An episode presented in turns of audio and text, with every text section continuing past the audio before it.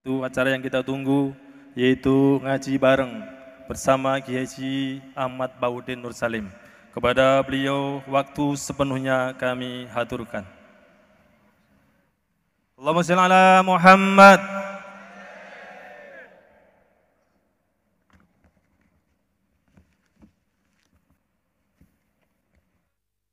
Assalamualaikum warahmatullahi wabarakatuh.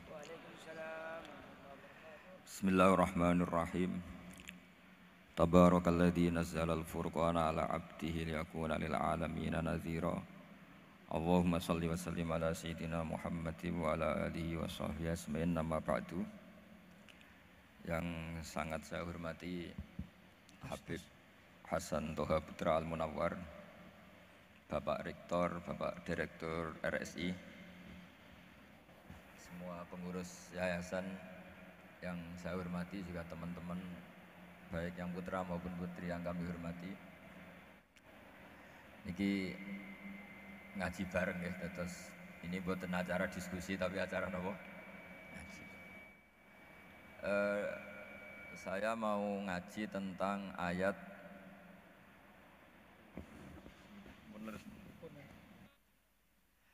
Qul bi fadlillahi wa bi rahmatih fa bidzalika falyafrahu.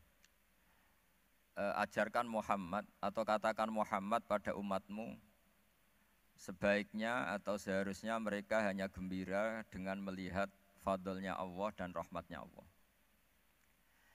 Ini harus kita pahami mulai dari konstruksi yang paling pokok yaitu akidah.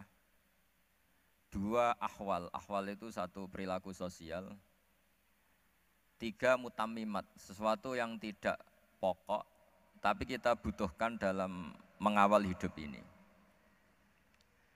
Saya beri contoh,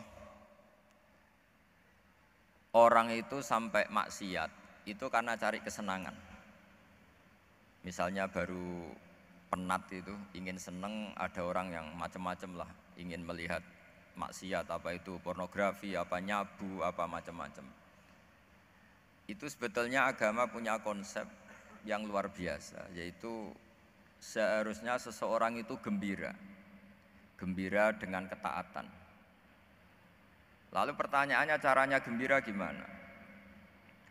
Gembira itu mudah. Jadi misalnya kamu sujud sama Allah Subhanahu wa taala. Terus cara berpikir begini, ini sekaligus ijazah. Cara berpikir begini. Ya Allah, ini kata Sayyidina Ali, kafani izzan an aku nalaka abdan wa kafani fakhron an takuna li robban. Ya Allah, eh, betapa sialnya saya andekan saya jadi budak dari makhluk yang sama. Misalnya sampean itu seorang kiai atau rektor atau doktor atau orang terpelajar, Kemudian kamu jadi budak atau hamba dari makhluk yang setara. Betapa hinanya saya. Maka kata Sayyidina Ali, ya Allah saya ini cukup bahagia, cukup bangga. Karena jadi budak, jadi hamba dari zat yang super atau yang maha super. Gini kok Allah Subhanahu wa ta'ala. Sehingga ada kebahagiaan yang luar biasa karena menjadi hambanya Allah Subhanahu wa ta'ala. Eh, setelah bangga, dengan jadi hambanya Allah, maka kita akan malu. Malu misalnya kok saya bahagia itu nunggu melihat pornografi, melihat maksiat. Itu terus menjadi malu. Kenapa saya bisa didikte oleh hal-hal seremeh itu? Ya, kita malu karena didikte oleh hal-hal yang seremeh itu. Karena kita didikte oleh nafsu. Jadi izzatun nafsi, satu harga diri seseorang itu harus dihidupkan untuk hanya tunduk kepada Allah Subhanahu wa taala. Sehingga Nabi itu melatih satu logika tarkul ma'asi. Nabi itu dulu ketika ada seorang pemuda yang ya karena mungkin pemuda ya, dia itu mau masuk Islam, tapi uniknya kata pemuda tadi, saya masuk Islam tapi asal dibolehkan bebas zina. Jadi ini agak agak sableng gitu. Jadi mau masuk Islam syaratnya dibolehkan apa? Zina atau free sex gitu. karena orangnya agak hiper. Itu Nabi tidak langsung mengancam dengan neraka ndak.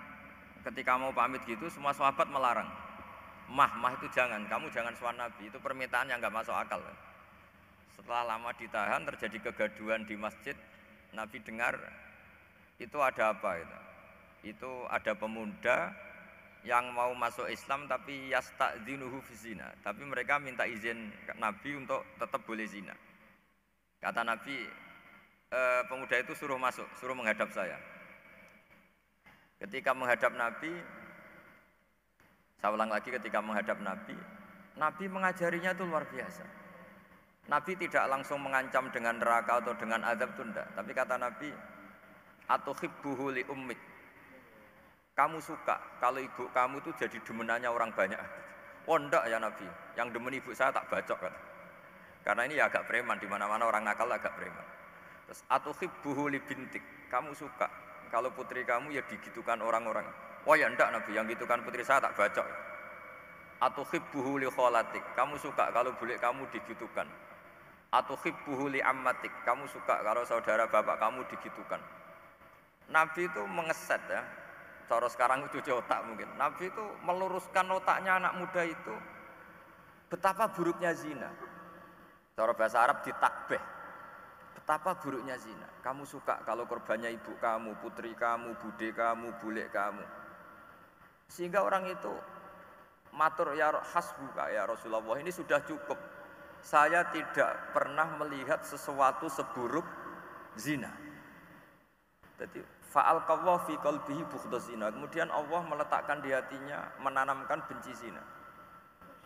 Sehingga akhirnya pemuda tadi menjadi iffah, menjadi menghindari zina. Artinya begini ya, ini mungkin yang lolos dari para kita sebagai dai, kita tidak belajar banyak tarbiyahnya Rasulullah Shallallahu Alaihi Wasallam. Jadi kalau kita benci maksiat itu jangan hanya ditahdir, ditakutkan neraka itu enggak. Jangan hanya itu. Tapi di logika. Ini Pak, oh, sama iya. kurang dekat. Oh iya. Sama kurang dekat. Jadi kalau kita menghindari maksiat itu selain karena takut azab itu ada logika. Ada rangkaian pikiran yang menjadikan kita anti satu perbuatan apa mak maksiat. Jadi misalnya gini ya, kira-kira ginilah kalau contoh gampang itu. Ada orang gitu ya, nyanyi dengan pakaian yang mungkin pornografi gitu. Mungkin pemuda-pemuda ingin melihat itu, tapi bisa diobati gini. Kok enak dekne, dekne mergawe kok tak bayar ya, aku kehilangan duit. Meskipun dengan logika yang agak serampangan, yang penting menjadi kita ini punya harga diri untuk tidak tergantung hal-hal seperti itu. Sehingga Nabi itu cara menggambarkan tadi mulai atau hibbuhu li ummik. Kamu suka kalau ibu kamu jadi demenannya orang lain. Pemuda tadi bilang yang demen ibu saya mau saya bunuh. Ditambah lagi atau hibbuhu li bintik. Bagaimana kalau korbannya putri kamu, bule kamu, bude kamu. Sehingga terus si pemuda tadi betapa buruknya zina. Betapa murahnya zina. Akhirnya pemuda tadi al fi qalbi zina. Terus kemudian pemuda tadi itu sangat membenci dengan apa? Berzina. Nah, pikiran-pikiran seperti ini harus kita tanamkan. Harus kita tanamkan supaya orang itu benci melakukan maksiat karena satu memang takut suhtuwah, takut dibendu Allah atau dibenci Allah. Dua memang logika kita mengarahkan tidak maksiat. Nah ini yang terkait Unisula yang nangani kedokteran, nangani medis. Sesuatu yang dilarang Allah itu pasti mador. Maka untuk melarang seseorang bergantung sama narkoba misalnya atau hal-hal yang bahaya pada fisik, itu satu tentu bagi Allah, tentu karena takut Allah. Tapi banyak masyarakat yang memang benar-benar bisa meninggalkan narkoba karena efek buruknya narkoba, efek buruknya nopo ganja. Itu kita tanamkan sedemikian rupa bahwa itu mengakibatkan sakau, mengakibatkan tidak sadarkan diri, mengakibatkan kebangkrutan ekonomi macam-macam. Sehingga mereka benar-benar benci sama yang namanya narkoba. Jadi di antara manhajul Quran itu kalau mentakbeh, memburuk-burukkan maksiat itu mesti dikritik innahu kana fahisyah. innahu kana fahisata wa makta wa sa'a sabila innahu kana fahisata wa sa'a sabila diulang beberapa kali sehingga dibutuhkan kecakapan untuk menganggap satu hal yang buruk itu fahsyah, sesuatu yang enggak rasional, sesuatu yang tidak positif, sesuatu yang pasti berdampak nopo nega, negatif. Sehingga kalau misalnya tadi dibacakan oleh Qori kuntum khaira ummatin ukhrijat linnasi ta'muruna bil ma'ruf wa tanhuna 'anil munkar. Untuk berhenti dari kemungkaran itu satu takbihun litil kal mungkar atau litil kal mungkarat bahwa mungkarat itu kita cap kita stigmasi bahwa itu buruk sekali seperti Nabi mengajarkan pemuda tadi masa kamu suka ibu kamu digitukin lelaki lain putri kamu, bulik kamu, bude kamu sehingga orang ini pikirannya termenset betapa buruknya zina sama seperti kita sukses memenset betapa buruknya narkoba, betapa buruknya Eh, bahan-bahan terlarang. Begitu juga seterusnya terus pengkhianat dan sebagainya. Eh, tapi problem manusia adalah dia itu akan mencari kebahagiaan atau kesenangan sesaat. Maka caranya gimana? Keinginan senang lewat maksiat ini dilawan dengan nyaman dengan toat. Saya ulang lagi nyaman dengan toat. Sehingga ulama dulu punya kalimatul munajat, artinya kalimat hubungan pribadi sama Allah yang menjadikan orang itu nyaman. Dan ini yang diajarkan kitab-kitab tasawuf. Kitab tasawuf itu sukses mengajarkan melihat alam raya ini semuanya nyaman, termasuk yang mengecewakan. Itu dianggap nyaman. Saya berkali-kali mengajarkan ilmu ini karena ini musalsal ila Rasulillah Shallallahu Alaihi Wasallam. Itu pernah suatu saat Imam Ahmad itu dipanggil sama tetangganya anak muda. Tentu Imam Ahmad ini orang yang sangat soleh, sangat waroi, sangat tunduk sama perintahnya Allah dan Rasul. Pemuda tadi manggil ya Ahmad datang ke rumah saya. Imam Ahmad datang. Setelah sampai ke pemuda tadi, sudah pulang lagi, saya tidak butuh kamu. Pulang lagi. Setelah sampai rumah dipanggil lagi, ya Ahmad datang lagi, datang lagi. Oh saya tidak jadi butuh pulang lagi sampai tiga kali. Dan itu perangai apa ekspresi Imam Ahmad itu atau ulama lain yang sesoleh beliau itu nyaman, indah. Beliau tetap senyum-senyum nyaman itu. Beliau tidak tersinggung, tidak apa terprovokasi, tidak ya pokoknya tidak tidak tersinggung, kelihatan nyaman. Lama-lama pemuda ini terus tanya, ya Ahmad, kamu saya perlakukan seperti ini kok tidak tersinggung? Kamu senyum-senyum saja, happy-happy saja. Jamnya Imam Ahmad itu unik. Wahai pemuda, saya kamu panggil itu senang sekali.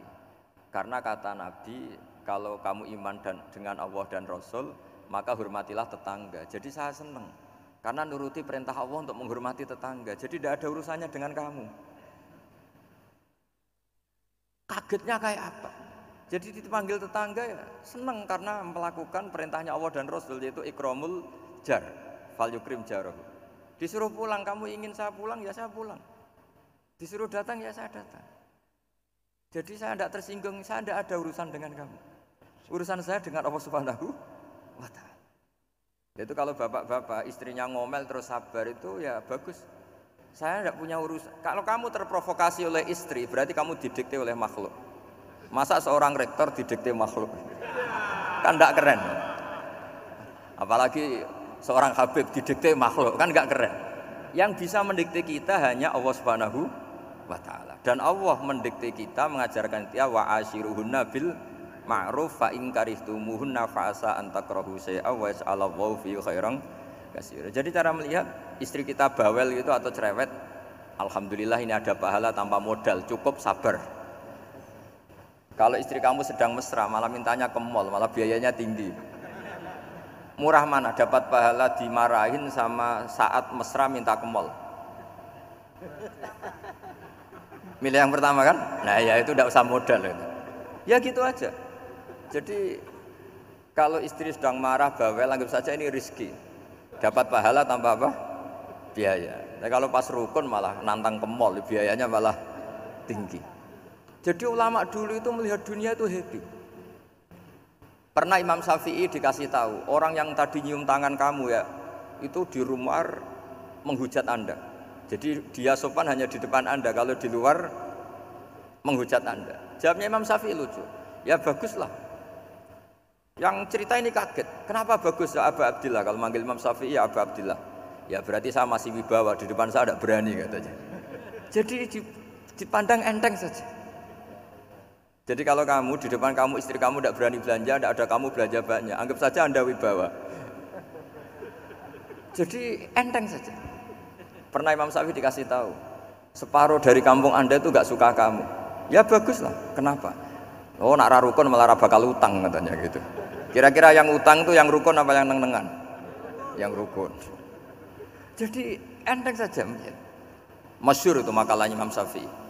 Waman asa'a ilaika fakot atlakoka. Orang yang berbuat buruk sama kamu berarti membebaskan kamu. Kalau saya sedang nenengan sama Habib Hasan Toha Putra, beliau naik Alphard nggak nawarin saya sah karena baru nenengan. Tapi kalau sedang rukun malah harus repot mana? Rukun sama tidak rukun? Repot rukun sebetulnya. Jadi Imam Syafi'i itu happy saja. Kalau sedang rukun sama tetangga ya dianggap rukun itu satu kenikmatan. Sedang tidak rukun ya dianggap satu kenikmatan. Jadi orang dulu itu serilek itu melihat dunia. Kalau kita kan enggak ego. Wah saya ini suami kok dimarahin istri. Wah ini egonya bangkit. Padahal egonya bangkit itu ada kebodohan di situ. Yaitu seorang rektor didikte seorang istri, seorang makhluk. Apalagi kalau Anda daftar wali itu tidak akan jadi wali. Ini wali kok tunduk sama makhluk. Karena didikte apa? Makhluk. Maka Imam Ahmad ketika tetangganya bully gitu ya santai saja beliau happy. Ketika pemuda tadi eskal janggal, kenapa kamu nggak tersinggung ya Ahmad? Memangnya saya harus tersinggung gimana? Kan tak panggil tidak jadi, tak panggil tidak jadi. Hei pemuda, saya ini tidak punya urusan dengan kamu. Saya nuruti kamu karena perintahnya saya senang melakukan perintah Allah harus berbaik sama kamu. Sampai tiga kali. Jadi kebahagiaan ini pula yang harus kita latih dalam melakukan ketaatan. Tapi kalau kita sudah tidak bahagia dengan toat itu bahaya sekali.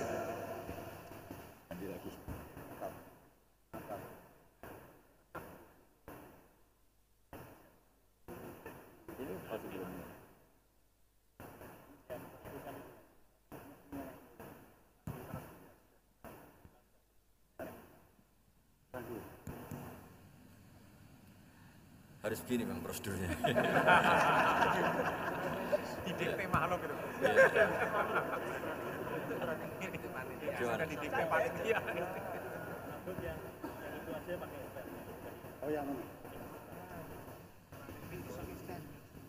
bagus ini Anut saja.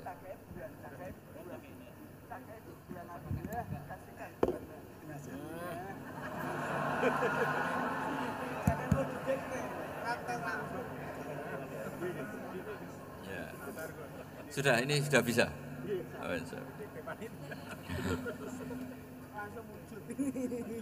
Sudah, ini sudah benar. Untungnya kiainya latihan jadi wali, jadi gak tersinggung. Kalau ndak ini sudah sudah masalah ini. Paling ndak kan baru ngajarkan gitu masa ada bisa meraktekkan gitu. Jadi pura-pura soleh. Tapi memang obsesi saya terbesar atau cita-cita saya terbesar memang setiap ngaji saya saya ingin orang mukmin semuanya itu bahagia. Dengan bahagia itu mereka tidak neko-neko ingin mencari kebahagiaan lewat jalur apa mak maksiat. Sehingga dalam konstitusi ulama yang ditulis di kitab-kitab usul fikih dan itu kitab yang saya kaji, selalu saya kaji itu membela-bela sesuatu yang mubah itu sampai luar biasa. Karena melihat mubah itu misalnya Anda tidur, tidur itu berstatus mubah, Anda bermain catur berstatus mubah. Anda rileks sama teman jagungan semalam dengan teman rektor atau dosen atau yayasan itu melihatnya bukan mubah tapi tarkul maksiyah. Misalnya saya semalaman asik musamaroh, musamaroh itu jagungan malam sama Habib Tuhan Al-Munawwar itu awang ngitungnya bukan, wah ini jagungan ngalor ngidul tidak penting tuh ndak. Malam itu bahak tidak ke dugem, tidak ke tempat mak siap. Sehingga ada ulama yang mengatakan mubah itu enggak ada. Saya ulang lagi, mubah itu tidak ada. Kan umumnya ulama bagikan wajib, ya kan, haram gitu. Terus di antaranya mubah, sunat, makro. Ada ulama yang mengatakan mubah itu tidak ada. Kenapa logikanya begini? Ithma min mubahin illa wa tarku haramimma. Karena tidak ada mubah yang Anda lakukan kecuali saat itu pasti ditinggalkannya sebuah keharaman. Misalnya Anda sedang jagungan sama istri di luar, di rumah. Asik di rumah semalaman. Mungkin bahas hal-hal yang ringan. Mungkin melihat sinetron atau apa yang yang ringan. Tapi di situ terjadi Anda meninggalkan ke tempat-tempat maksiat.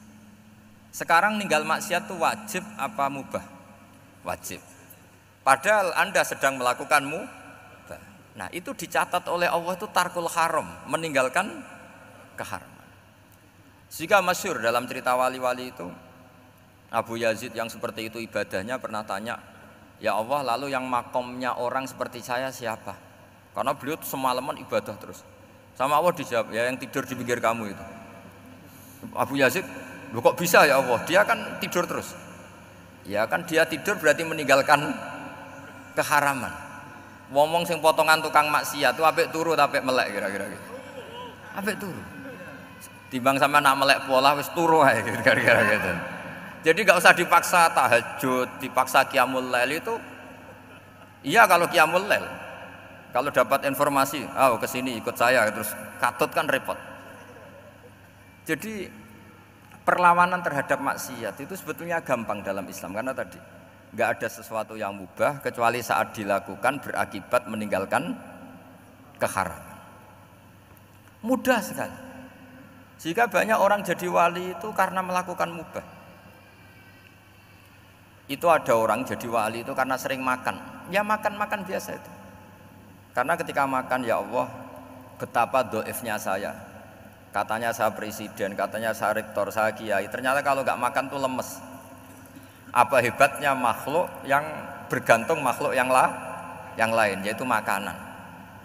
Nah karena seperti itu terus dia Allah jailallah, terus dia sungkeman ning Allah. Betapa lemahnya saya. Sebab itu ketika Quran mengkritik dan dengan tanda kutip kemungkinan Tuhannya Isa bin Maryam itu ngeritiknya sederhana Quran itu.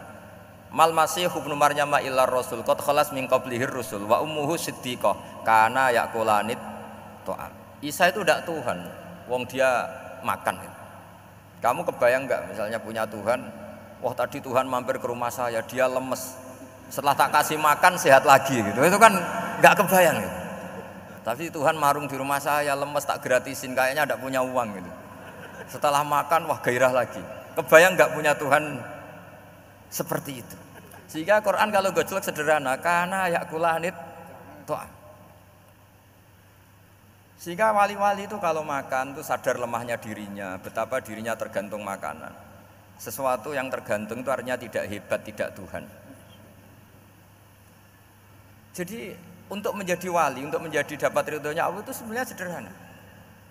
Termasuk ada ada cara jadi wali yang agak kacau, tapi ini ya benar, asal niatnya benar. Misalnya Unisula besar ya kurang besar lagi. Kita sudah punya uang kurang banyak uang lagi. Itu Nabi Ayub itu kan seorang nabi. Pernah diuji Allah ini ada di Sahih Bukhari. Nanti kamu tanya hadisnya Sahih enggak? Ini ada di Sahih Bukhari. Kadang orang kota itu aneh, enggak ahli hadis tapi tanya Sahih enggak? Padahal kan dibodoni Sahih yang ngandel saja. Jadi kadang ya aneh. Wong enggak tahu kok tanya gitu itu Nabi Ayub itu sudah kaya, pas itu sudah kaya, bukan cerita yang masih miskin, memang sudah kaya. E, beliau di kamar dihinggapin satu belalang dari emas.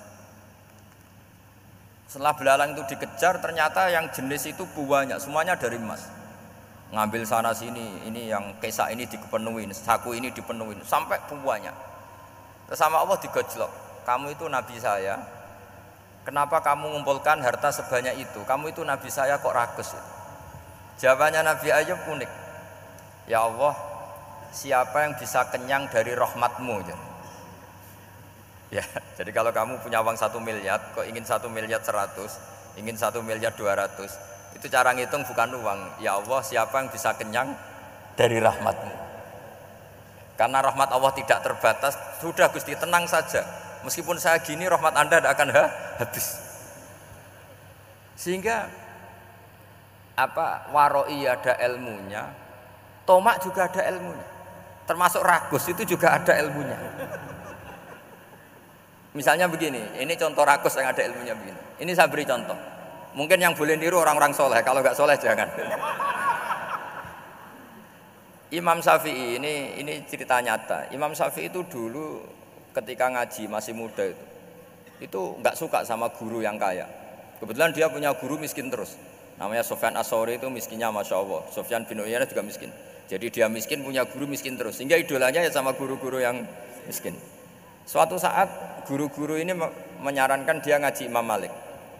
Imam Malik itu kaya raya itu babutnya Imam Malik kalau diinjek itu mata kakinya tidak kelihatan saking halusnya kalah Indonesia lah kalah itu Imam Malik tuh gaya kalau ngaji di kursi tinggi itu pakai bukhur itu pakai dupa Arab yang mahal pokoknya mewah kali Imam Malik terus dia mulai ini kiai kok kaya kemudian setelah beliau alim tanya e, saya harus ngaji siapa setelah ilmu jenengan habis kira-kira gitu kata Imam Malik sudah, kamu tidak usah perlu ngaji saya, kamu sudah alim alama. Terus Imam Malik datang ke Baki. Zaman itu Baki itu semacam kayak rentalan ya, semacam grab lah kalau dulu itu. Mana kafilah yang mau ke Irak? Gitu. Ya sudah terus. Oh kita mau ke Irak. Ini antar ke Muhammad bin Hasan Asyibani. Itu dibiayai sama Imam Malik. Grabnya ya dibayarin, itu kafilahnya itu ya dibayarin. Imam Syafi'i disangoni surrotan min dahabin jadi satu kepes uang dikasihkan. Itu pernah tak hitung semurah-murahnya itu sekitar 60 juta. Imam Malik, Imam Syafi'i mulai mikir, kiai yang saya kritik lomo, sing kiai kiai miskin tak puji, gak pernah ngamal kan, tentu orang miskin gak Setelah datang ke Muhammad bin Hasan Asyibani, beliau itu pakar usul fikih, muridnya Abu Hanifah. Beliau al usuli, pakar usul fikih. Itu Muhammad bin Hasan Asyibani itu kalau ngitung emas, itu di ruang tamu. Uangnya miliatan, emasnya banyak. Dari kota ini dipindah ke kota ini. Mas, kalau ngitung di ruang tamu. Bukan di kamar, di ruang tamu. Imam Syafi'i tambah kaget. Imam Malik kayak gitu sudah saya soal malah ini kaya raya. Setelah Imam Syafi'i kelihatan kaget, digojlek sama Muhammad bin Hasan Asyibani karena beliau senior. Atak jabu min kamu aneh melihat ini? Iya. Kenapa? Ulama kok kaya raya. Terus kata Muhammad bin Hasan, ya sudah uang ini tak kasihkan orang-orang fasik binti gue demenan gue nyabu gue macem-macem oh jangan nanti dipakai maksiat oh jenengan mau sing suka semenjak itu Imam Syafi'i rubah mindset jadi kalau kampus ini ingin akreditasi ingin mulia, ingin apa, kamu ridho. Kalau yang punya prestasi seperti itu adalah orang-orang fasik. Ridho enggak? Enggak kan? Maka didoakan ini. Nah itu namanya berpikir secara usuli. Kamu jangan hanya nuruti karena berpikir waroi terus kamu benci kekayaan, benci pangkat, benci apa, tidak bisa seperti itu. Karena pangkat dan kekayaan ketika dikelola secara kesolehan maka akan menjadi energi positif yang luar biasa. Semenjak itu Muhammad bin Hasan Asyibani berhasil mendidik Imam Syafi'i. Sampai akhirnya keterusan Imam Syafi'i berpendapat kalau orang Islam bisa bikin rumah tingkat kok punya rumah reok itu haram kata. Akhirnya keterusan. Kalau bisa jadi bupati kok jadi ketua RT juga haram. Karena al-Islam ya'lu wala yu'la alaih. Islam itu luhur bukan bisa diluhurin. Sehingga rata-rata orang Syafi'iyah termasuk kiai-kiai Indonesia itu rata-rata ya agak-agak politikus. Ya agak-agak kedonyan, mungkin sebagian kedonyan tenan gitu. Karena nggak ridho gitu loh. Kalau kesempatan itu dikuasai orang fasik kemudian menjadi kekuatan maksi maksi.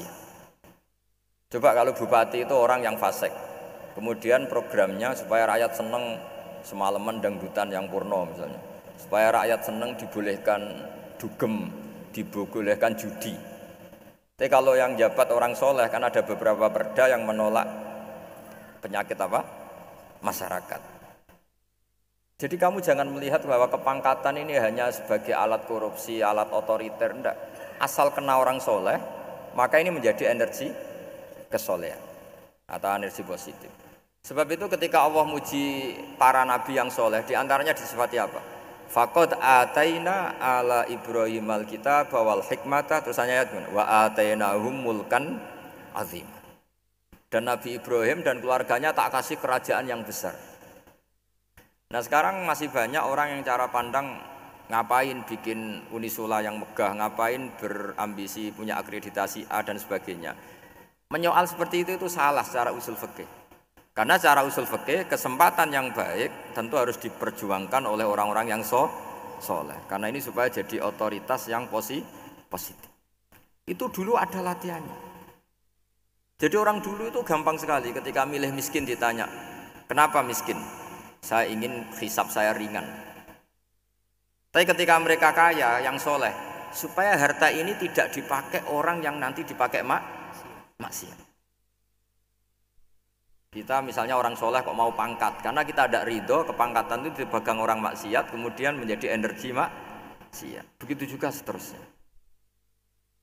Maka ulama dulu itu rileks. Sampai Senawawi Al-Bantani itu nanti bisa dicek di tafsir Kul hal yastawil ladina ya'lamuna wal ladina la ya'lamun. Beliau muji-muji ulama. Kemudian ada seorang yang agak hasut mungkin. Tanya begini. Hebatnya ulama itu begini-begini. Terus ditanya, tapi kenapa kita sering melihat ulama ngantri proposal di rumahnya bupati? Sementara bupati nggak pernah datang ke ulama ngaji ihya. Jawabannya Senawawi itu unik. Ya karena ulama itu tahu gunanya uang sehingga nyari uang untuk pondok untuk masjid. Sementara bupatinya tidak tahu gunanya ilmu maka tidak pernah ngaji. Jadi ya ringan saja Jadi ya sudah seperti itu. Jadi kalau ada ulama kedunian, anggap saja karena tahu gunanya uang. Jadi kenapa ulama ngantri di kabupaten, bukan bupati ngantri di ulama jawabannya? Karena ulama tahu gunanya wah, sementara bupatinya nggak tahu gunanya ilmu. Ya kira-kira gitu lah. Ada ustadz tidak ganteng, kesensem rondo cantik. Karena tahu gunanya ustadz itu. Artinya tahu gunanya kalau saya nikah nanti punya anak jadi gus, kan kan dia kiai gitu. Tapi rondone raro gunanya dia karena miskin gitu. Jadi ulama dulu itu rileks. Rileks, menafsirkan apa saja itu rileks, termasuk saat terpojok. Itu rileks. Karena semuanya dianalisis pakai ilmu. Sehingga ciri utama wali itu apa? Ala inna awliya Allahi la khaufun alaihim walahum. Enggak ada rasa takut, enggak ada rasa gampang. Karena melihat sesuatu itu gampang saja. Ulang lagi, melihat sesuatu itu gampang saja ringan. Saya beri contoh ya betapa pentingnya mindset ya, cara berpikir. Orang itu menjadi kikir itu karena nganggap hidup itu lama dan uang itu penting. Kalau zaman Nabi itu sederhana kalau melihat melihat hidup. Pernah suatu saat Nabi itu punya jatah makan. Karena Nabi itu hidupnya juga pas-pasan. Jadi Nabi itu unik. Beliau di satu sisi kaya raya, bisa ngerumat Abu Hurairah, Ammar, Suhaib. Ashabu Sufa itu dirawat Nabi semua. Itu kan kaya, bisa ngerawat sekian orang. Tapi di sisi yang lain untuk pribadinya beliau miskin. Kadang nggak bisa makan hari itu. Tapi di saat yang sama bisa merawat ahlus sufah. Jadi keliru kalau orang hanya cerita Nabi itu miskin untuk makan dirinya aja susah. Itu keliru. Kelirunya kalau tidak diteruskan, tapi Nabi mampu menghidupi ahli sufah. Sikan cerita jatah makannya Nabi itu dikasihkan orang ketika Nabi tanya, ya Aisyah, eh, makanan jatah saya di mana? Oh ya Rasulullah tadi ada orang minta tak kasihkan, maka makanan itu habis. Apa kata Nabi? Kamu salah Aisyah yang kamu kasihkan itu justru yang masih. Ya, yang kamu kasihkan itu justru yang masih. Sehingga Nabi menganggap, makanya Nabi terus ngendikan. Ya kalau mukhotobnya lelaki ya kira-kira begini. Wahalla kamin malika illama akal tafa'afnaita walabista fa'ablaita. Terus hanya watasoddakta fa'abqoita kata Nabi. Harta kamu ya kamu makan kemudian ke WC jadi kotoran atau punya pakaian mewah nanti rusak wata sodakta fa'abukoita ada yang kamu sodakokan yaitu yang abadi sampai akhir akhir. Sehingga banyak pengusaha yang mencintai saya setelah tak ajari hadis itu. Misalnya punya uang satu miliar karena dia spekulan atau pedagang rawan bangkrut disodakokan ke masjid 50 juta yaitu yang abadi. Jadi kalau suatu saat bangkrut dia masih punya uang 50 juta di akhirat. Jadi Nabi itu mengajari sodako itu apa? Ya sodako itu pengabadian uang. Kalau kita kan enggak, bilang sodako itu nguras uang. Itu pikirannya setan, tidak pikirannya orang Islam. Itu cara berpikir setan, bukan cara berpikir umat apa? Sehingga Said Ali Zainal Abidin itu kalau ada orang minta, kemudian beliau ngasih, itu beliau bilang gini, marhaban biman hamala zadi ilal akhirah. Uh, matur nuwun jenengan beto sangu kula nate. Jadi dianggap teller saja. Orang yang minta uang beliau itu dianggap tukang nyatet bank ini. Karena sudah ditabungkan, ya sudah. Kalau kita kan enggak, wah pengemis itu ganggu gini-gini.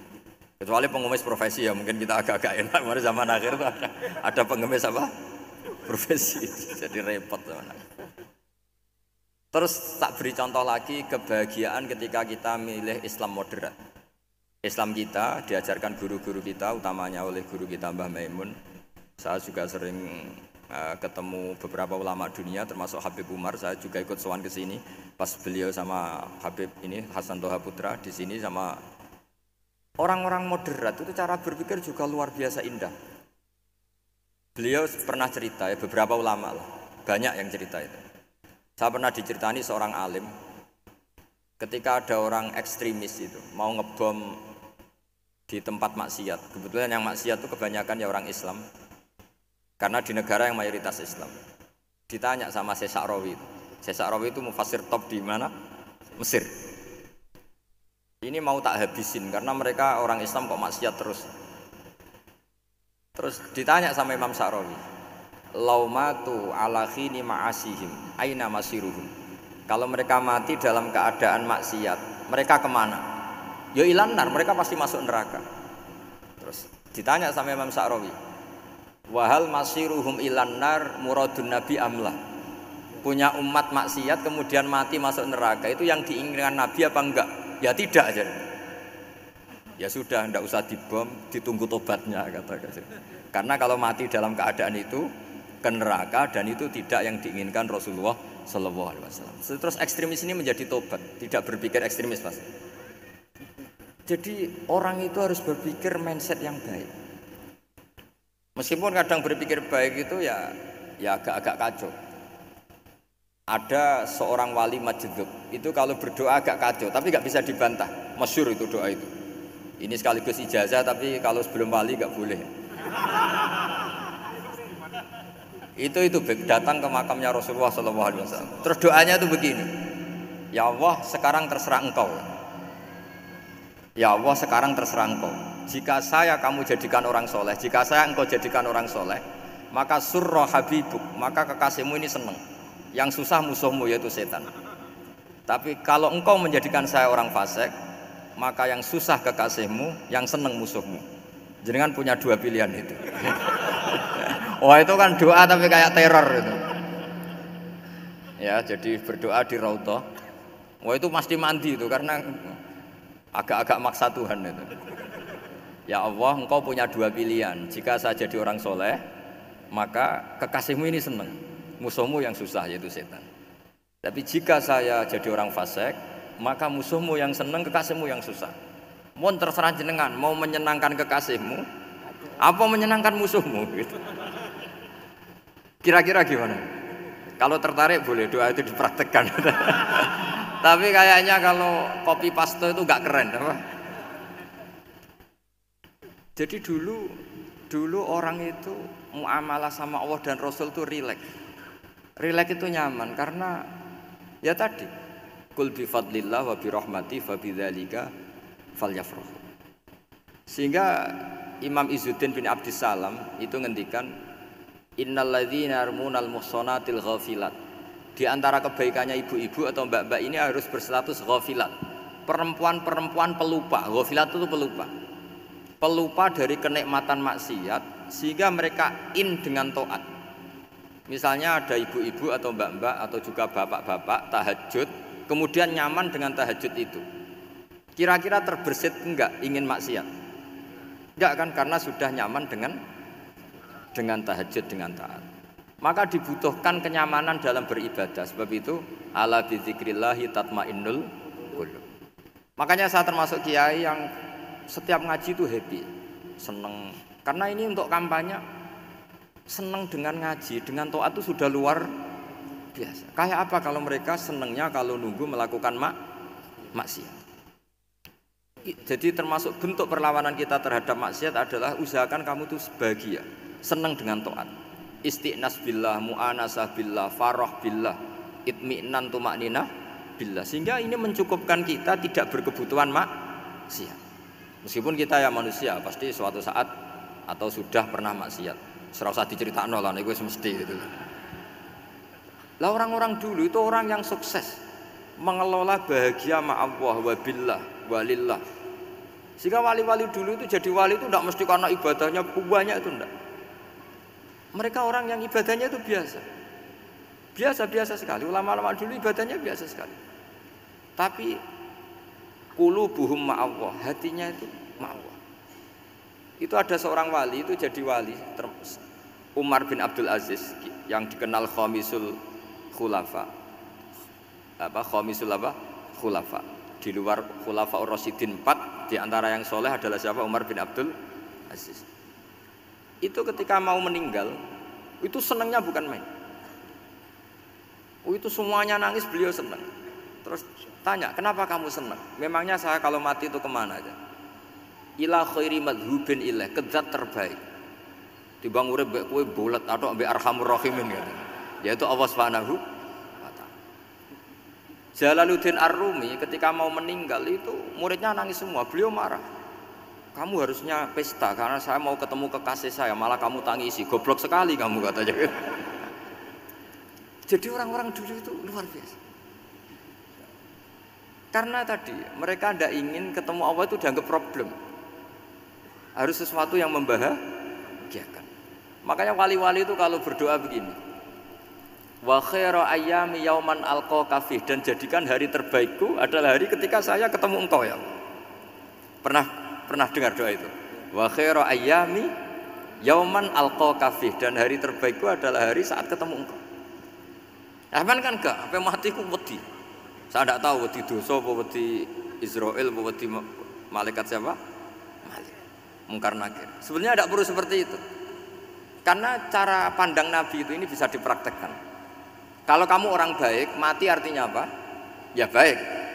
Karena husnul khotimah. Kalau kamu orang yang buruk, itu kata Nabi anggap saja mati itu akhir dari keburukan kamu. Nak urip terus malah maksiat terus.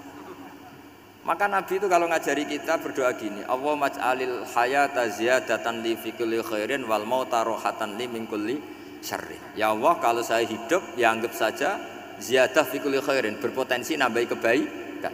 Kalau saya mati anggap saja ini akhir dari segala keburukan. Maka saya berkali-kali guyon. Makanya tradisi ulama-ulama NU, ulama-ulama pesantren, ya ada hanya NU, pokoknya ulama-ulama alim. Itu kalau ada orang mati, orang nakal gitu mati, ini saya gitu. Itu hadirin mesti gak terima. Wapi enang di wong wakal. Tapi dipaksa sama kiainya, saya gitu lama-lama dipaksa saya gitu. padahal yang atine kiai wis ra iso maksiat meneh wis saya karena dengan mati berarti saya sudah tidak bisa maksiat lagi jadi Nabi melihat hidup dan mati itu segampang itu kalau al hayata ziyadatan li fi kulli khairin wal mauta rohatan li min kulli Coba kita ke depan itu kan ada potensi zina, potensi korupsi, potensi maksiat. Yang bisa menghentikan potensi itu apa coba? Mati ya, udah pinter ya. Sudah sudah maju berarti kan Berani mati. Tapi jangan di sini ngel-ngelo panitia. Ya. Artinya yang selama ini kita risau dengan kematian dengan apa? Nabi ngajari kita tadi.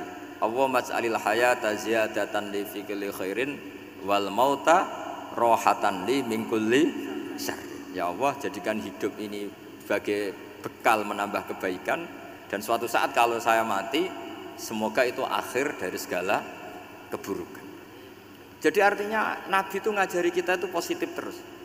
Sama seperti ulamanya tadi. Nak lagi rukun mbek tonggo ya sanggup aja konco keapian.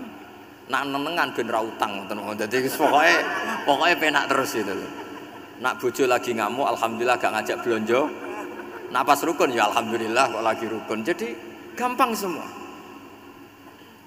Makanya ada seorang alim itu ngendikan begini, ada yang tanya. Saya tuh dulu ketika kaya, teman saya sering main ke saya. Setelah saya miskin nggak ada teman-teman yang ke saya. Dikira si Habib ini, ini kebetulan orangnya Habib itu mendukung keluhan dia. Ternyata enggak. Si orang alim itu bilang gini, malah bagus tuh gitu. Kue wis melarat buruhe wong. Ya sudah kamu miskin buruhnya orang lain. Misalnya tukang manol di pasar atau tukang becak. Kemudian teman-teman kamu datang, malah kamu malu tuh jadi tontonan. Bagus kalau mereka lupa, pas kamu miskin tidak ada yang lihat kata Jadi apa ya, di, dianggap enteng saja gitu. Akhirnya orang ini nggak jadi ngeluh. Selama ini kan kita ngeluh ya, ketika miskin teman-teman nggak datang. Coba kalau mereka datang pas kamu buruh bikin botol di orang lain, mantan bos buruh, malu nggak? Milih datang kepada? Enggak lah, sudah bener itu.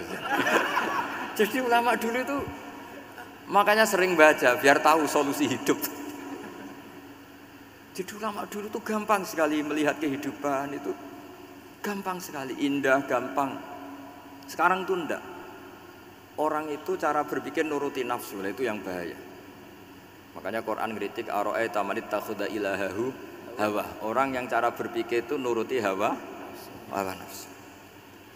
Kalau zaman Nabi, zaman sahabat, zaman ulama itu enggak enggak seperti itu. Sehingga cara berpikir itu mudah.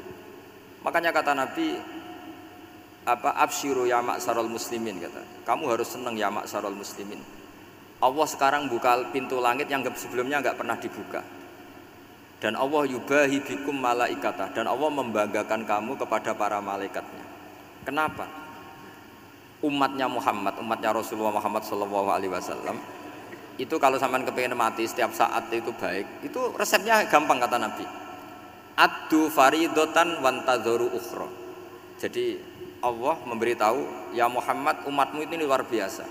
Jadi misalnya tadi kita sholat subuh, ditanya, bahak kamu sekarang ngapain? Nunggu sholat duhur ya. Setelah sholat duhur ditanya lagi nunggu apa asar. Sehingga famangkanat hijratuhu ila wa rasuli fa hijratuhu Jadi kalau ya sudah ini tak ijazahkan. Kalau setelah sholat subuh nunggu apa? Duhur. Setelah duhur nunggu. Sehingga ketika kita mati itu statusnya penunggu sholat. Tapi kamu kan enggak miskin. Kenapa? Penunggu kaya. Ya itu enggak masuk surga itu. Penunggu kemapanan. Berarti kan menunggu sesuatu yang seleranya nafsu. Beda kalau penunggu sholat. Berarti kamu di dunia menunggu ritual ibadah. ibadah. Maka di antara ijazahnya Nabi apa? Addu faridotan wantazoru ukhro. Melakukan satu fardu. Kemudian kita menunggu tugas beri berikutnya. Jadi ini hati saja setelah subuh nunggu apa? Duhur. Setelah duhur Meskipun kita di perapatan, eh apa? Nunggu asar. Tapi ya asar betul, jangan nunggu tok pas asar ndak. Jadi sebetulnya umat ini gampang sekali. Jadi di antara kebanggaan Allah, yubahi itu Allah bangga dengan malaikatnya adalah umat ini adalah adu faridotan wantazoru ukhro melakukan satu fardu kemudian menunggu fardu yang dari mengkhidmati kampus ingin mengkhidmati masyarakat. Dari satu masyarakat lokal Semarang menjadi sampai sekarang sampai Banjar Masin Unisula mau bikin kampus di sana terus gitu. Dari satu tugas ke tugas yang lain. Makanya Islam diajarkan setelah satu tugas selesai faida faruh tafan so. jadi sehingga hidup kita itu dinamis. Dari satu kebaikan menunggu kebaikan lain. Dari satu kebaikan menunggu sehingga hidup kita ngapain? Nunggu satu kebaikan ini sudah masuk famangkanat hijratuhu ila wa rasulih fa hijratuhu ila wa rasulih sehingga orang Bayangkan kalau kita direkam Allah, Gusti kula ampun mati nak dereng sugih. Wis melarat puluhan tahun, sakit, nunggu sesuatu sing sifatnya nafsu, pengen sugih. Sugih tok jak cukup. Tahu buruh wong sing tahu ngenyek ndekne lho, itu kan urung-urung wis dendam. Saya belum mau mati sebelum apa kaya dan buruhkan orang yang pernah melecehkan saya. Wis ngono akhirnya mati urung sugih. Berarti wis fakir matine hasud. Semua itu ngenes dunia akhirat kan kira-kira seperti itu. Kamu santai aja kalau fakir berarti ngeringankan hisap karena ada banyak harta. Yang mau dihisap papanya tidak punya apa-apa. Jadi saya mohon sekali ya Islam itu mengawal kebahagiaan. Sebab itu sampai bahagia itu menjadi perintah Islam kul bifadlillah wa bi rahmati fa bidzalika falyafrahu. Karena dengan bahagia bitaat diharapkan orang Islam itu tidak bahagia atau cari kesenangan lewat jalur apa mak maksiat. Sehingga ciri utama wali apa? Ala inna auliya Allahi la khaufun alaihim walahum yahzan. Sehingga ulama dulu itu rileks, serilek rileksnya. Termasuk yang saya ceritakan tadi Imam Ahmad, Imam Syafi'i itu melihat apa saja rileks. Ya tadi kalau disenangi orang ya barokah punya kawan kebaikan. Nak dineng ya barokah, barokah dineng di gedingi tonggo rada utang, ngeranjuk tulung itu. Jadi rileks saja. Masyur itu Imam Syafi'i ngendikan waman asaa ilaika fakot atlakoka. Orang yang berbuat buruk sama kamu, hakikatnya adalah membe membebaskan kamu. Atlako itu apa? Membe membebaskan. Enak gak jadi hidup gitu? Kalau kamu kan enggak, kok gedeng aku salahku apa? Malah kamu ujub tuh, orang kok nggak tahu salahnya. Kamu jadi suami, istrinya ngomel, kurang apa saya sebagai suami? Ya kurang banyak, tidak ganteng, tidak kaya, tidak ini. malah kalau diterangkan malah parah toh. Ya sudah rileks saja kalau dia ngomel ya tadi Alhamdulillah dapat pahala tanpa apa? Biaya Terus ngomel kan butuh energi, paling yang tidak kuat tiga jam. Oh, nanti juga berhenti apa? Sendiri. Terus ambil nilai positifnya, misalnya ngomel sama suaminya, bagus lah. Kalau ngomel sama tetangga malah kayak apa gitu aja udah. Jadi ulama dulu itu gampang sekali melihat apa melihat hidup. Rasulullah ya gitu melihat hidup tuh gampang saja. Ketika tanya, ya Aisyah apa ada sarapan? Tidak ada ya Rasulullah, ya sudah saya tak puasa. Jadi enteng saja. Kadang-kadang beliau ingin puasa ya puasa sunat, ada sarapan nggak jadi puasa. Rileks. Nabi itu rileks. Kalau ngajari kebaikan juga rileks. Nah sekarang itu banyak orang yang karena mungkin kurang baca Islam itu kayak menjadi aturan yang bengis, yang repot, yang mengekang Itu ndak ada seperti itu Yuridu wa bikumul yusra Wala yuridu bikumul asr Allah menghendaki agama ini mudah sehingga ada sahabat di Mami Mu'ad itu baca Bakoro. Sahabat ini pekerja petani, mufarokoh ditinggal. Ketika Mu'ad lapor, ya Rasulullah ini ada orang munafik, tengah-tengah sholat mufarokoh saya ditinggal. Yang disalahin itu tidak yang ninggal tapi Mu'ad. Afat tanun anta ya Mu'ad, kami itu tukang fitnah. Masa ngimami petani pakai surat Bakoro? Jadi yang disalahkan ini imamnya. Kalau kamu jadi imam, sholatnya ya yang cepat. Makanya terus banyak orang kecepatan karena tadi. jadi Nabi itu enteng sekali. Jadi apa ya? Nabi itu beda dengan yang kita bayangkan beda. Nabi pernah ngaji di masjid, kemudian ada tetangga lewat pakai cangkul ke kebun. Semua sahabat gerutu. Ini orang tidak benar. Ada Nabi ngaji ditinggal saja ke kebun tidak ikut ngaji. Jawabannya Nabi ndak, itu bagus itu ikut sunnah saya. Kenapa ya Rasulullah? dia kerja nyari halal dan untuk menghidupi keluarganya itu juga ajaran saya sehingga yang ngaji ya ajarannya Nabi yang nggak ngaji karena kerja mencukupi keluarga juga ajarannya Nabi. Segampang itu. Oh, kalau kayaknya kamu kan wos gak roh akhlak kan gitu. Nabi rileks saja Nabi sampai bisa lihat itu di Ikhya di bab Fadhailul Kasbi. Makanya ini apa penting sekali supaya orang itu apa ya berpikir Islam atau mendakwahkan Islam itu berdasar sanat ya yang mutasil yang pernah dilakukan Rasulullah Shallallahu Alaihi Wasallam ya semoga barokah Assalamualaikum warahmatullahi wabarakatuh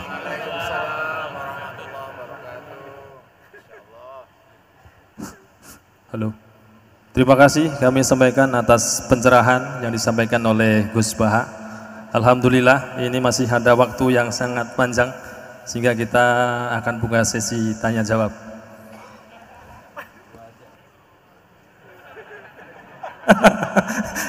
Hanya dua penanya.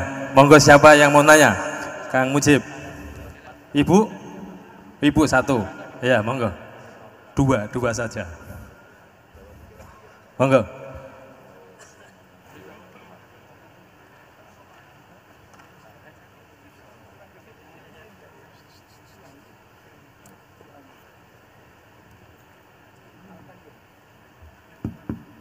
Assalamualaikum warahmatullahi wabarakatuh. Allahumma arinal haqqa haqqa warzuqna tiba'ah wa arinal batila batila warzuqna tinabah. Gus, eh, di era sekarang ini terlalu banyak kiai. Jadi saking banyaknya kita yang awam ini bingung mana kiai yang benar, yang betul-betul benar menurut Allah. Mana yang seperti nampaknya benar tapi ternyata itu tidak seperti yang diinginkan Allah. Jadi cara pandang panjenengan ini bagi saya sudah luar biasa mencerahkan sekali.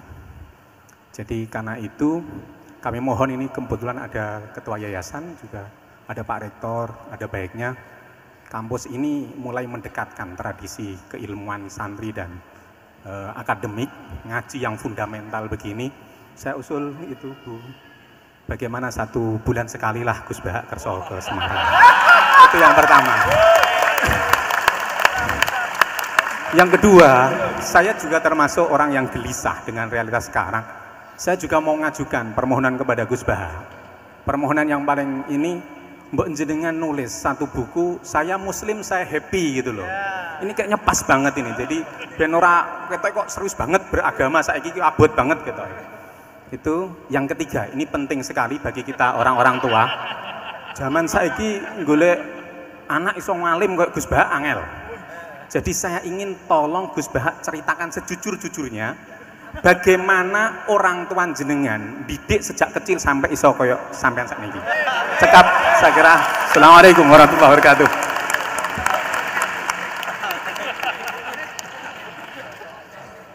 Yang kedua, monggo. Mohon dibantu mic, mic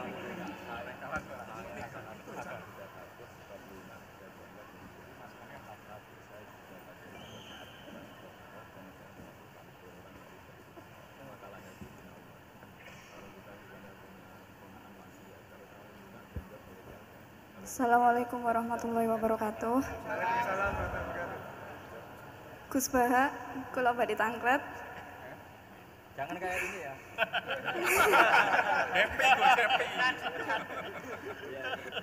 Untuk perempuan, hakikatnya menutup aurat niku pripun? Soalnya kula gede teman niku rata-rata santri tapi kok mboten menutup aurat secara sempurna. Nah, kula pengen ngertos ilmune niku sing jelas pripun. Sampun.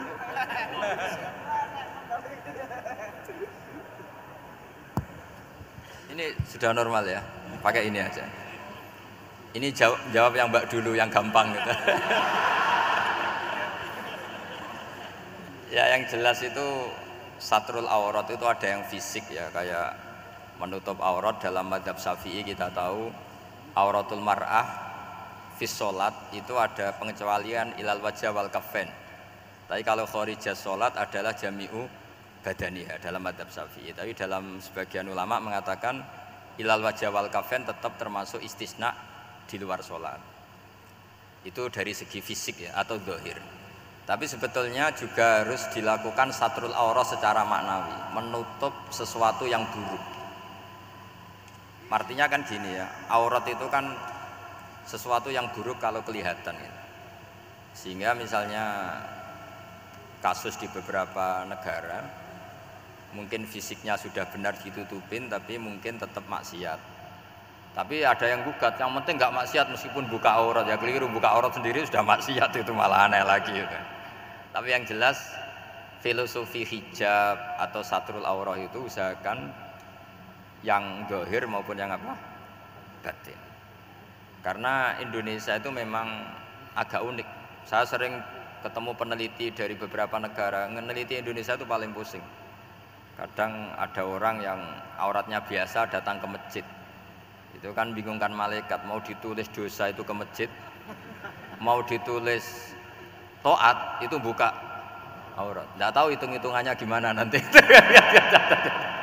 Tapi memang ya sudah seperti itu. Yang jelas standar aurat ya kita tutupin sesuai standar madhab syafi'i maupun mengikuti yang tidak apa syafi'i. Tapi filosofinya juga harus kita ikutin. Jadi dua-duanya harus kita ikutin. Sebagai perintah, bukan sebagai syarat. Itu beda loh perintah sama syarat itu. sebagai perintah, bukan sebagai syarat. Kalau sebagai syarat itu begini, syaratnya orang Islam tuh harus nutupi aurat begini-begini. Nanti kalau yang nggak gitu dianggap tidak Islam itu menjadi ekstrim. Tapi kalau sifatnya perintah, ya perintah saja. Yang nggak melakukan paling banter dianggap fasikoh atau tidak solihah, tapi tidak sampai menjadi keluar dari Islam. Ya jadi gitu ya. Jadi karena apa ya? Ya sudah seperti itu. Obsesi kita tentu ingin kesolehan, ingin kesolehan sebagai perintah seorang lagi. Jangan biasakan kalau ada aturan itu sebagai syarat. Misalnya gini, kue nak orang alim ra anakku itu bahaya. Mosok orang alim terus orang anakku, karena rata-rata orang itu udah alim gitu. Nanti terputus dari bapaknya semua. Tapi hanya sifatnya perintah. Perintahnya seorang bapak ke kita supaya alim. Makanya ulama mengatakan perintahnya Allah. Perintah itu lebih rileks daripada disebut syarat. Karena syarat sekali nggak memenuhi menjadi ndak. Makanya Said Muhammad kalau ngarang kitab sering wajibat itu lebih ringan ketimbang apa? Syarat. Jadi beda kalau dalam filosofi ilmu itu. Jadi gampang perintah. Tentu yang nggak melakukan perintah itu ya kurang baik, tapi tidak sampai keluar dari apa? Islam. Karena perilaku kesolehan itu perintah, bukan syarat. Sehingga Nabi nanti ngendikan beberapa yang masyur itu kan syafaati li ahlil kabair min um mati. Meskipun umatnya yang nggak benar ya tetap diaku sebagai umat. Jadi beda perintahnya Nabi sih semuanya kalau bisa soleh harus bisa soleh. Tapi tetap ini sifatnya perintah bukan syarat. Nggak bisa kamu mengatakan syaratnya orang Islam itu dalam beraurat begini, syaratnya soleh nggak pernah maksiat. Memangnya Nabi nggak pernah maksiat. Ya saya kira demikian ya cukup ya. Lah kalau ini tuh ini resikonya dia seneng saya, makanya bagus dia tidak seneng saya, jadi enggak.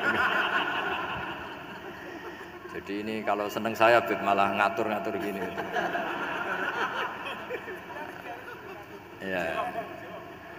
Terus soal ngaji di sini tiap bulan itu jelas tidak satu rutin karena kalau sampean sopan di mana-mana ngaji itu datang ke kiainya.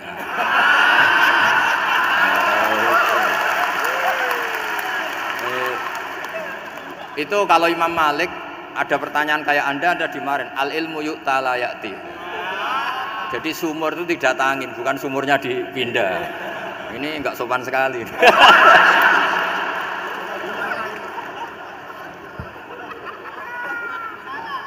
Terus menyangkut orang tua, kenapa saya alim? Itu juga nggak boleh dijawab. Rata-rata orang itu udah alim, masa orang tua seluruh Indonesia salah?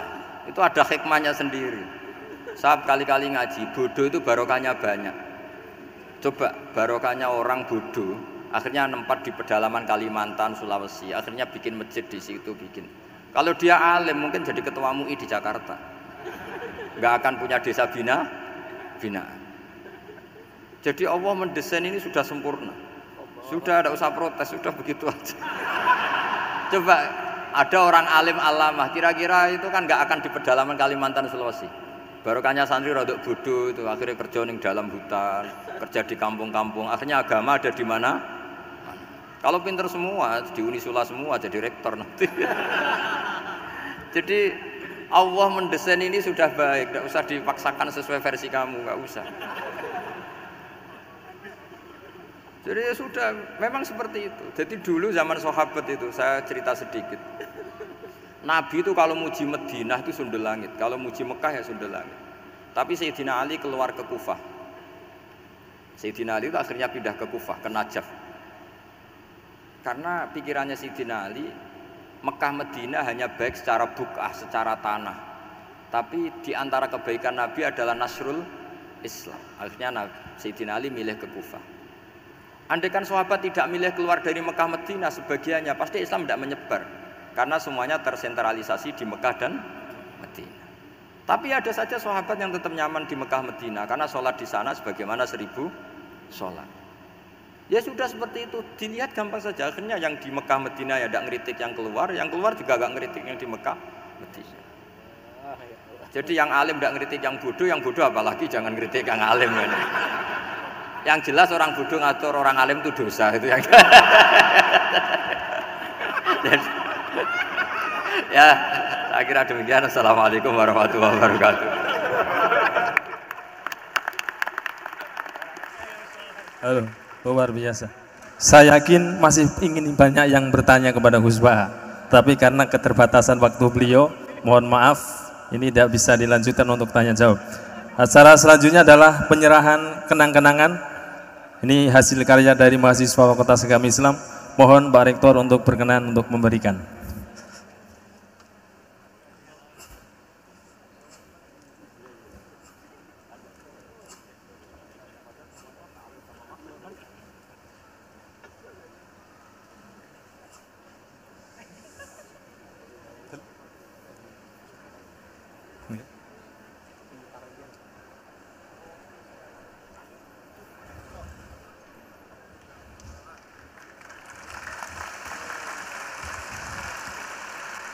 Mohon hadirin untuk tidak bubar terlebih dahulu, kita akan berdoa bersama.